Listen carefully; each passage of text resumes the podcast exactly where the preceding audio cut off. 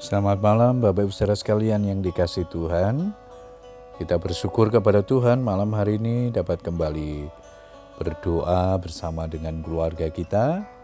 Tetaplah semangat berdoa karena kita tahu Tuhan akan terus menopang memberi kekuatan kepada kita hari lepas hari.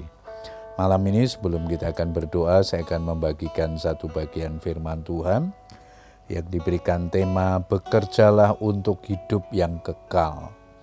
Ayat mas kita di Yohanes 6 ayat yang ke-27. Bekerjalah bukan untuk makanan yang akan dapat binasa, melainkan untuk makanan yang bertahan sampai kepada hidup yang kekal. Bapak Ibu saudara sekalian yang dikasih Tuhan, Tuhan rindu anak-anaknya turut ambil bagian dalam pekerjaannya di muka bumi ini bukan bermalas-malasan atau berpangku tangan saja. Mengapa kita harus bekerja?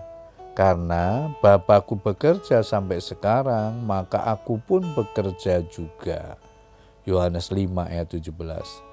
Dan bila saat ini kita sudah dipercaya Tuhan untuk melayani dia dan menjadi mitra kerjanya, itu bukan karena kita mampu dan hebat, tetapi karena kasih karunia Tuhan semata. Kita bisa belajar dari Rasul Paulus yang menyadari jika ia dipercaya untuk melayani pekerjaan Tuhan, itu bukan karena siapa dia, melainkan karena kasih karunia Tuhan yang menyertainya. Kasih karunia adalah ketika kita menerima sesuatu dari Tuhan, bukan karena kita ini layak mendapatkannya, karena beroleh kasih karunia dari Tuhanlah Rasul Paulus pun tidak bekerja secara asal-asalan, melainkan bekerja sedemikian rupa. Tuhan mencari pekerja-pekerja seperti Rasul Paulus yang bekerja ekstra dan penuh totalitas, bekerja bagi kerajaannya, tanpa menggerutu, tanpa keluh kesah, tanpa persungutan. Selagi kita masih bernapas, mari kita bekerja bagi Tuhan, karena hidup ini adalah sebuah kesempatan Lihatlah sekelilingmu dan pandanglah ladang-ladang yang sudah menguning dan matang untuk dituai. Doyan memang banyak, tetapi pekerja sedikit. Diperhadapkan dengan tantangan hidup yang berat, tidak menyurutkan semangat Paulus untuk memberitakan Injil, karena ia percaya bahwa Tuhan turut bekerja dalam segala sesuatu untuk mendatangkan kebaikan.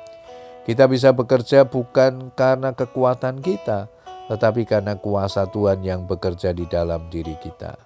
Setiap orang yang bekerja pasti mendapatkan upah, apalagi kita yang sudah berjerih lelah, bekerja di ladang Tuhan, upah pasti disediakannya.